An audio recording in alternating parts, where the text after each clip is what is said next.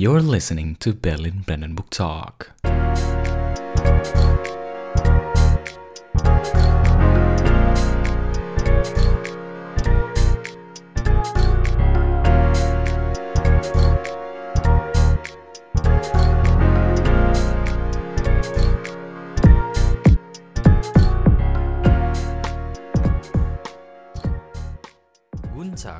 Herzlich willkommen zu unserem Podcast Berlin Brandenburg Talk, or also known as To Be Talk, with your host. Maulana. dan Rani. Nah, balik lagi teman-teman ke podcast kita To Be Talk. Em, kita recap dulu kali ya. Episode terakhir itu ngebahas apa? Eh, kita kemarin eh, udah ngebahas tentang apa itu interpersonal relationship, eh, faktor Interpersonal attraction. sorry, interpersonal attraction dan Udah apa- buru-buru aja mau relationship mau. Iya, mohon maaf nih. Em, apa aja faktor biologis yang mempengaruhinya, bagaimana kita bisa tertarik sama seseorang dan faktor sosial dan psikologisnya. Dan kali ini kita masih juga ditemenin sama eh, narasumber kita yaitu Firman. Halo Firman. Halo, halo, halo semuanya. Yeay. Yeay. Yeay. Nah, mungkin eh, kali ini kita kasih snippet dulu kali ya. Kali ini kita bakal ngebahas sesuatu yang penting banget di dalam relasi terhadap seseorang. Nah, ini mungkin gua nanya dulu nih ngomong-ngomong relasi sama seseorang nih. Nah, anggap gua ada ya bukan contoh. Ya, intinya gini. Ada si A. Si A ini punya pasangan. Nah, si A ini intinya tuh ngebolehin kayak ya dia bebas lah intinya kayak ya lu si pasangannya boleh pergi sama siapa aja yang penting tuh em, apa yang penting komunikasi sama yang penting ngasih kabar gitu oke fine tapi di lain sisi pasangannya entah kenapa setiap si A itu pergi sama siapa pun walaupun udah dikajelasin udah dikasih tahu mau ke mana segala macem si A, eh pasangannya ini ngomel nggak suka marah misalnya. Nah gue mau nanya nih ke kalian-kalian nih itu tuh relasinya tuh gimana sih? Itu kayak gitu tuh normal sehat atau toksik atau kayak gimana sih? Mungkin bisa didiskusikan dulu Pengalaman pribadi ya mau. Aduh, bukan, bukan, bukan dong. Untung bukan ya. Untung bukan. Untung bukan. well, dari siapa dulu nih, Man? Oke, kalau menurut gue itu relasinya definitely nggak sehat sih. Atau mungkin buat orang-orang lain pada umumnya juga kan menganggap itu relasi yang nggak sehat. Kenapa? Karena berarti bentuk penyelesaian konflik di dalam relasinya pasif agresif. Hmm. Kalau lo mau sesuatu, lo bilang. Kalau lo nggak suka sesuatu, lo bilang. Kalau lo nggak bilang, gimana caranya pasangan lo bisa tahu? Komunikasi itu fundamental banget buat kita build sebuah relationship.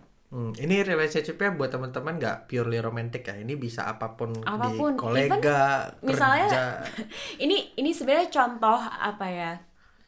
Yang bercanda-bercanda lucu aja gitu ya. Hmm. Pada ngalamin gak sih kayak emak-emak kita tuh kalau di rumah kadang kayak sambil nyapu kayak udah kamu nggak usah bersih-bersih emang udah mama aja yang ber- bersih-bersih gitu. Itu sebenarnya bentuk contoh pasif agresif gitu kayak Hmm. buat kita yang ngerasain kan kayak hah jadi sebenarnya mama mau aku bersih-bersih atau enggak gitu kan Ah, komunikasinya putus ya. mm-mm. Betul, setuju, setuju. Gimana nih kalau menurut Firman sih. gimana nih?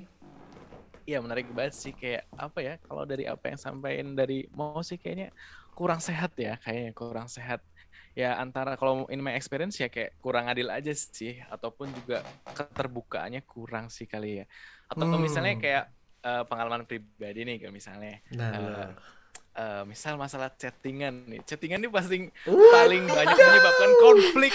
Oh, panas, paling panas, banyak panas. menyebabkan konflik gitu kan. Kayak misalnya apa ya eh eh, misal ada suatu momen kayak misalnya nih cewek kita chatnya panjang gitu kan. Terus kita tuh Hmm. panjang. Terus tiba-tiba pendek nih. Oke. Oh iya. Udah. Kamu kenapa? Kok kayak gitu? Nggak apa-apa. Seriusan? Oh iya nggak apa-apa kok gitu Eh ya udah kamu mau apa? Nggak mau apa gitu. Oke oke. Aduh, ya udah deh eh, aku kegiatan dulu ya. Oh kayak gitu. Jadi aku ditinggalin. Kan bingung ya? Aduh. Itu tuh kurang kurang lebih sama sih ya dengan apa yang tadi Rani sampaikan ya. Kayak lu mau apa ya? Bilang gitu. Jangan pernah eh, menuntut apa yang kamu nggak bilang ke kita gitu loh jangan pernah berekspektasi tentang suatu hal yang nggak pernah dikomunikasikan gitu Buset. Hmm. Iya Iya, nggak? Iya iya benar-benar banget sih. Tapi nyambung dari situ juga nih.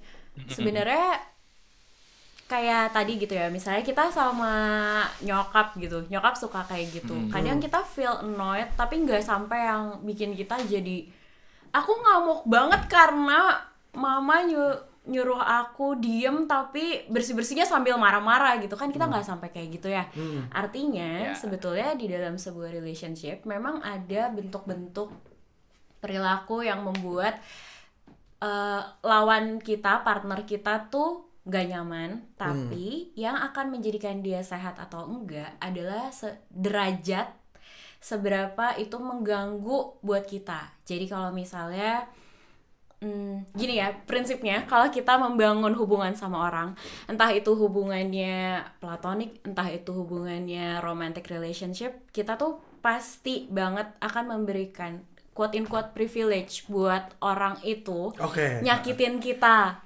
karena ya Oh, namanya paham. manusia kan semua beda ya. Kita nggak pacaran sama diri kita sendiri nih gitu. Jadi perbedaan itu bisa banget menimbulkan konflik dan gesekan. Nah di setiap konflik itu tuh mungkin banget kita ngerasa sakit kok lo kayak gini sih sama gue? Eh gue sedih lo lo kayak gini. Atau gue merasa marah karena ada boundaries gue yang dilanggar dengan perilaku lo yang seperti itu. Tapi kalau kita masih bisa tolerir uh, apa yang dilakukan berarti itu ya udah belum toksik tapi kalau misalnya itu udah ngeganggu kita itu kayak kita udah aduh gue udah empat banget gue udah nggak kuat banget gitu ya udah berarti tok itu salah satu gejalanya toxic relationship Hmm. Nah. oke Mungkin sebelum kita lanjut lagi ke toxic relationship, mungkin kita perlu klarifikasi nih mungkin teman-teman yang dengerin bingung relasi yang sehat tuh kayak gimana sih? oh iya iya benar Iya juga? Iya. Ini kita kebanyakan ngomong toxic takutnya ntar hubungannya toxic semua ini kayaknya. kalau Firman gimana Menurut lo yang Oke. sehat tuh kayak sehat gimana? tuh kayak gimana Oke, kalau dari gue sih in my experience ya, eh, hubungan yang sehat itu yang bakal nge apa pertama menjaga hubungan itu adalah menjadi prioritas hubungan itu sendiri, gitu. Ya kan? Hmm. Jadi tujuan dari hubungan itu adalah ya menjaga hubungan itu sendiri, bukan berarti kayak misalnya eh, meninggikan keinginan pribadi masing-masing, tapi ada toleransinya, gitu. Ya kan yang kedua adalah keep you growing, gitu. Kalau gue sih ngelihatnya kayak gitu. Jadi kalau misalnya eh, gue punya metrik sih sebetulnya, bikin sendiri sebetulnya bikin metrik wow Eh, hubungan yang eh, apa eh, sehat dan yang nggak sehat Eh, dengan dua perspektif yaitu kompensasi dan toleransi. Jadi kalau misalnya hubungan yang sehat itu adalah yang toleransinya tinggi dan kompensasinya juga tinggi. Gitu. Oke. Kalau misalnya yang tidak baik lah ya, yang paling spektrumnya buruk banget adalah kompensasinya buruk, sorry, eh, toleransinya buruk, juga kompensasinya buruk. Itu udah parah banget lah hubungan yang parah banget kalau menurut gue gitu. Jadi intinya kalau menurut gue sendiri, pertama kompensasi kita terhadap pasangan kita tuh sangat tinggi dan eh, toleransinya juga tinggi gitu. Nah terus eh, apa?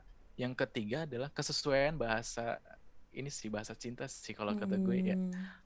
kesesuaian love language-nya itu bisa dipahami satu sama lain bukan Hmm. artinya kayak gue misal ya jadi apa gue yang tadinya physical touch misal jadinya word affirmation gitu menyesuaikan atau jadi beralih gitu enggak tapi ya kita bisa mengkompensasi bahasa cinta dari eh, pasangan kita. Misal nih in romantic gitu ya. Kalau misalnya dalam pertemanan sih ya sama aja sebetulnya gitu. Kita bisa respectful sama teman kita bisa menghargai pendapatnya kita bisa eh, support satu sama lain gitu. Intinya sih sebetulnya apa ya hubungan yang sehat itu keep you growing sih. Either you punya eh, kekurangan dan teman lu atau partner lu tuh bisa compensate it gitu sih sesimpel itu sih gue memahami nice eh, banget. hubungan yang sehat sih Iya. Sebenarnya dari sharing experience ya Firman tadi ada empat perspektif, empat prinsip dalam sebuah hubungan yang bisa kita bahas nih gitu. Yang pertama, prinsipnya hubungan yang sehat benar kata Firman tadi adalah yang membuat em, dua-dua kedua belah pihak sama-sama bertumbuh dan berkembang menjadi pribadi yang lebih baik. Hmm. Yang kedua, compromising. Kayak yang tadi Firman sebut soal toleransi dan compensating itu adalah compromising. Susah banget ketika kita menjalin hubungan sama orang yang gak mau Mau berkompromi. kompromi. Karena again ya, kita kan dua manusia yang berbeda. Kita nggak pacaran sama diri sendiri. Bakal ada banyak banget perbedaan. Termasuk salah satunya perbedaan love language tadi ketika kita mau compromising love language kita, entah itu sama pasangan kita, orang tua kita, atau sama teman kita, itu akan build relationship yang lebih kuat gitu. Jadi bukan berarti kalau misalnya Maulana, anyway ini um, sedikit informasi dulu buat ngasih konteks love language itu apa. Jadi love language atau bahasa kasih itu adalah bentuk-bentuk behavior yang biasanya kita Tunjukkan. berikan, kita tunjukkan ke orang lain untuk menunjukkan bahwa kita tuh sayang sama orang ini atau apa yang kita persepsikan dari orang lain bahwa orang tuh sayang sama kita. Entah itu se- sebagai apa pun itu hubungannya. Ada lima bentuknya, ada physical touch. Buat yang suka hugging kayak gitu itu physical touch. Ada words of affirmation yang suka diapresiasi, disemangati dengan kata-kata. Ada yang angkat tangan nih. Ada yang ngasih, ada um, yang ngasih kado kan sih? ngasih ah iya bener. Bener eh, gift ngasih kado. Ada quality time ada yang suka eh, ngabisin waktu bareng-bareng. Meskipun nggak saling ngomong pun kayak yang Ya, penting baik bareng. lo ada di sebelah gue itu udah itu udah menunjukkan bahasa kasih yang satu lagi yang terakhir adalah act of service. Jadi kayak misalnya Maulana lagi sakit nih gitu terus tiba-tiba ada cewek yang datang terus bawain makanan Hmm. kayak gimana kabarnya nih aku bawain Wadidaw, makanan gitu udah ada belum mau Belum. Aduh. Wow. jadi itu adalah bahasa kasih setiap orang Betul.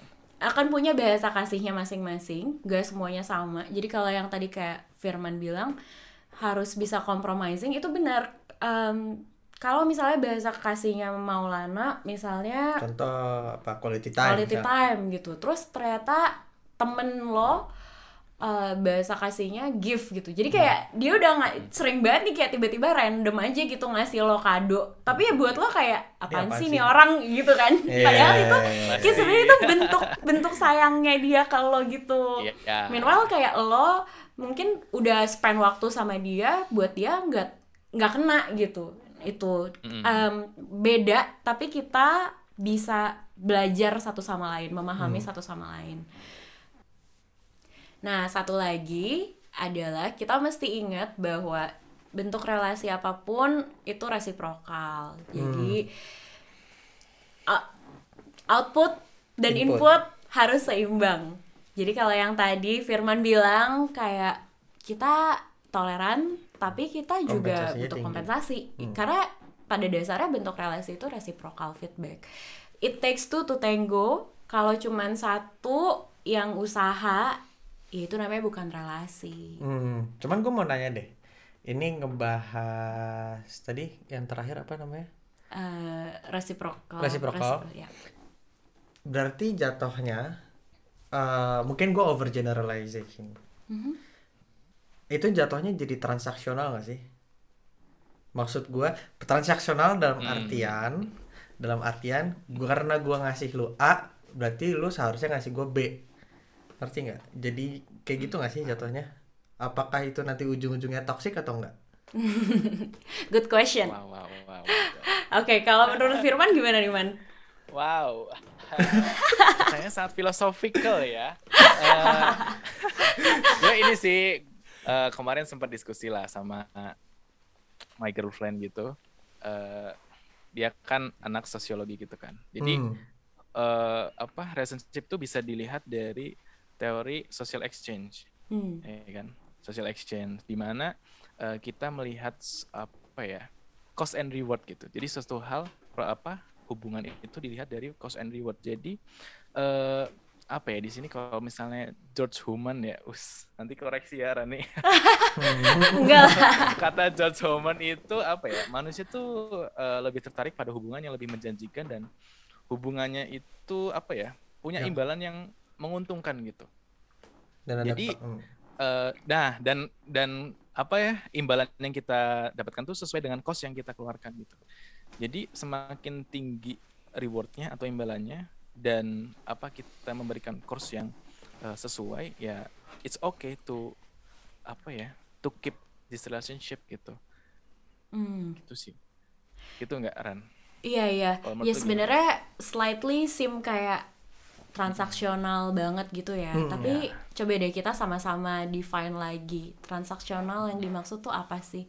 Kan kita juga Yes. kalau kita bangun relasi sama orang nih misalnya kita bayarin dia makan gitu. Terus kita catet eh Iya. gue dibayarin lo makan dua puluh ribu ya Nah, hari itu ini ya gitu kayak besok giliran lo yang bayarin gue dua puluh ribu kan gak gitu bentuknya ya tapi lebih ke saling compromising satu sama lain Yes. tapi ya kalau yang satu mau kompromi mau usaha again it takes two to tango gitu kalau misalnya Yes. apa ya Ah, lebih seru kalau dibahas pakai contoh kasus nih misalnya Ainfah ini deh cewek nggak suka lihat pacarnya chattingan sama Cewek lain. cewek lain gitu.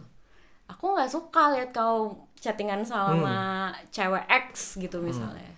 Terus ternyata cowoknya ya udah buat aku kamu prioritas. Kalau ini membuat kamu merasa tidak nyaman aku akan stop chattingan sama cewek X. Titik tuh kan gak ada apa-apanya. Tapi kalau suatu hari nanti cowok ini punya sebuah kebutuhan yang cewek ini perlu akomodir ya perlu ada effort yang setimpal dari ceweknya gitu jangan kayak eh kok cowoknya disuruh-suruh terus ini pacar lo bukan kacung lo gitu Hmm, jadi iya. kalau menurut lo transaksional nggak kalau kayak gitu mau Eh, gimana ya? Mungkin kalau kayak gitu, mungkin kalau yang misalnya gue ambil contoh yang jatuhnya buruknya ya. Kalau kayak gitu kan jatuhnya si cowok nganggepnya baik. Eh, jatuhnya si cowok tuh perilakunya baik. Kalau misalnya si cowoknya malah jatuhnya keras kepala, ya ya udah gitu. Misalnya gue maunya kayak gini gitu. Ketok toh sowiso gue nggak ngapa-ngapain gitu kan. Itu kan jatuhnya toxic ya. Kalau misalnya bisa jadi masuk ke dalam ranah toxic. Ya. Kalau misalnya kayak gitu, misalnya salah satu dari kita atau siapa pun pendengar yang lagi dengerin kayak gitu, kita harus ngapain? hmm. Kayak sebagai posi di po- baik di posisi saya pasangan si laki-laki atau si perempuan gitu. Misalnya, let's say ini gue ambil contoh ekstrim yang lebih jelas deh, biar teman-teman tuh nggak bingung. Abusive relationship. Misalnya ya, itu ini pak biar jelas gitu. Kalau ini tuh toxic. Kalau misalnya kita ada di salah satu posisi itu, kita harus ngapain? Supaya eh, relationship ini tuh sehat lagi atau misalnya ya kita tuh normal lah kehidupannya gitu. Itu gimana kira-kira? Mungkin dari Firman ada mau nanggepin? Oke boleh diulang nggak? Oh, oke oke oke. Eh, stop. Cut. Stop dulu. Oke. Enggak, ini recap aja dikit gimana? Kan eh intinya Mm-mm. eh kan tadi udah jelas kalau tadi kan misalnya dari contoh yang Rani eh Ya. apa kasih si laki-laki ini kan eh behave itu benar dalam tanda kutip Yes. ya baik lah gitu. Hmm. Kalau misalnya dia behave-nya itu ternyata buruk gitu, malah dia malah ngelawan gitu. Itu kan bisa jadi toksik kan masuknya. Nah, tapi gua ngambil yang biar lebih jelas gua ambil yang eh, lebih ekstrim contohnya. Kalau misalnya ada abusive relationship gitu. Baik cowok abuse ke cewek atau cewek abuse ke cowok gitu. Nah itu kalau misalnya kita ada di salah satu situasi seperti itu kira-kira ya dalam toxic relationship itu kita harus gimana gitu. Misalnya kita mental mental health kita tuh udah keganggu banget nih gitu. Udah Iya. nggak bisa berfungsi dengan normal gitu. Itu kira-kira kita harus ngapain ya? Oke, jadi kalau misalnya dari apa yang mau sampein ya, itu kan udah abusive ya. Nah, sebetulnya eh, ini kembali ke masing-masing individu lagi sih. Coba kita ini deh, apa yang harus kita lakukan adalah pertama sih eh, kita lebih cari tahu kenapa sih eh, hubungan ini menjadi abusive. Hmm. Satu itu dulu deh. Kita cari penyebabnya teh kenapa gitu. Asal muasalnya teh kenapa. Terus apa sebenarnya yang memper- memperbesar hal tersebut menjadi abusive hubungannya. Satu itu. Yang kedua eh, kita coba adjust sih sebetulnya. Satu adjust dulu karena kita memang tadi pertama mencari tahu penyebabnya apa. Yang kedua adjust nih kalau kita memang punya willing untuk mengadjust hubungan tersebut gitu. Adjust, kita cari solusinya. Nah, lalu setelah itu kita membuat keputusan sebetulnya. Karena abusive relationship kan udah nggak sehat banget lah. Itu sangat apa, Bahaya stressful juga. banget lah, Hmm. bahaya banget lah, stressful banget gitu. Lu bisa kenapa-napa lah, kondisi mental lu bisa drop banget, bisa down banget gitu. Dan ya keputusan yang terbaik ya satu eh, ketika kita punya resource yang cukup ya dan dua-duanya memang mau untuk memperbaikinya coba perbaiki Hmm. kalaupun enggak solusi terbaiknya ya kita out dari hubungan ini gitu.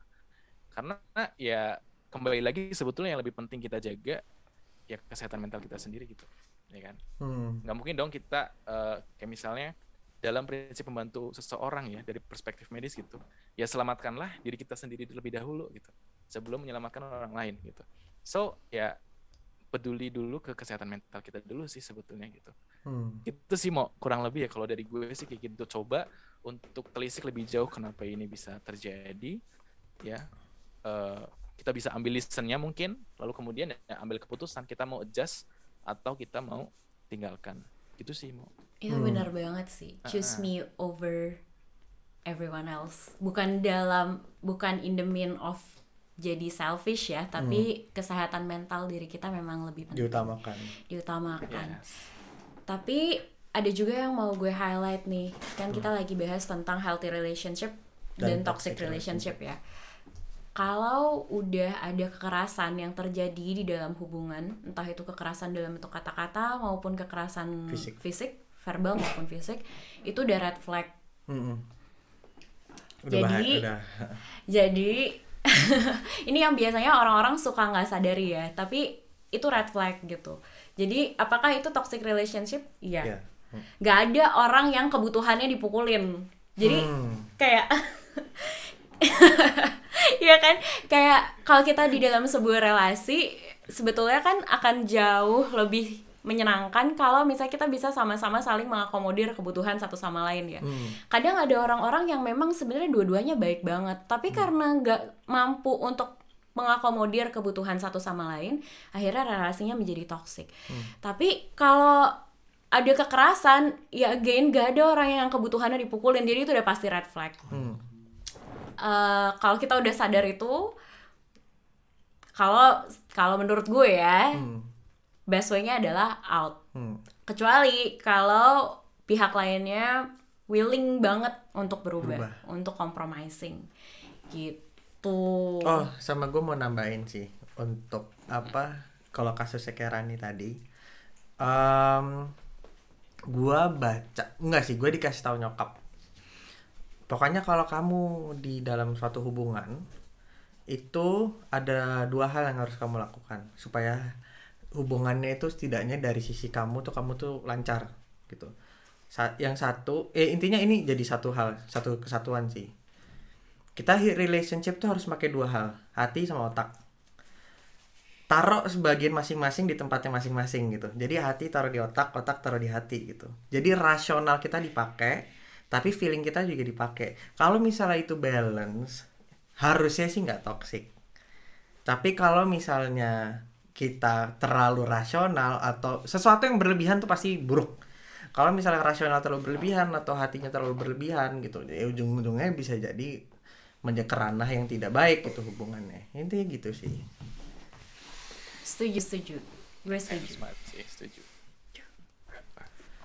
Nah untuk episode kali ini kita kita udah ngebahas kita recap dikit ya kita udah ngebahas eh, apa kenapa relationship itu penting dan kenapa relationship yang sehat itu penting dan apa itu toxic relationship dan contoh-contohnya gitu.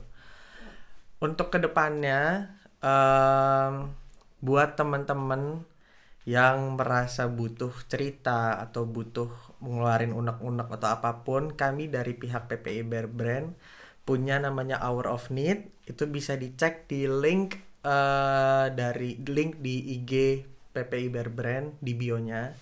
Eh, mungkin bisa dicek nanti siapa tahu kami bisa membantu dengan bisa dikontak aja bisa nanti dikontak aja, kalau mau curhat-curhat jadi punya teman curhat Mm-mm. Karena dari sekian banyak podcast yang sudah eh, episode yang sudah kita eh, keluarkan mengenai mental health itu cuman bukan nggak cuman sih tapi intinya message yang kami ingin sampaikan adalah bahwa mental health itu penting. Jangan tinggalin mental health. Seperti tadi udah dibilang sama Firman itu merupakan empat basis dari kesehatan. Jadi eh, tolong dijaga dan tolong teman-teman juga eh, take care. Nah, terutama juga kami nggak lupa bilang terima kasih sama narasumber super kita hari ini, Firman dari Indonesia. Halo. Thank you banget.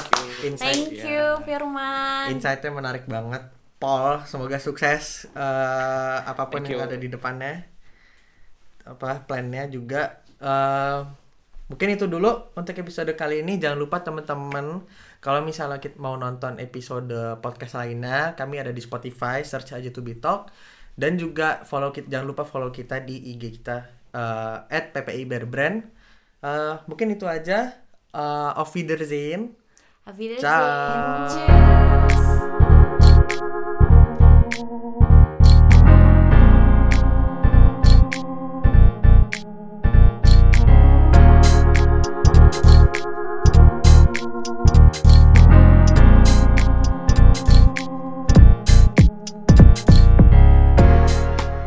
Terima kasih telah mendengarkan episode podcast minggu ini. Segala informasi yang kami utarakan di podcast ini didasarkan oleh opini masing-masing dengan tujuan untuk berdiskusi. Nantikan episode podcast berikutnya dan jangan lupa untuk follow Instagram kita juga yaitu @ppi Bearbrand.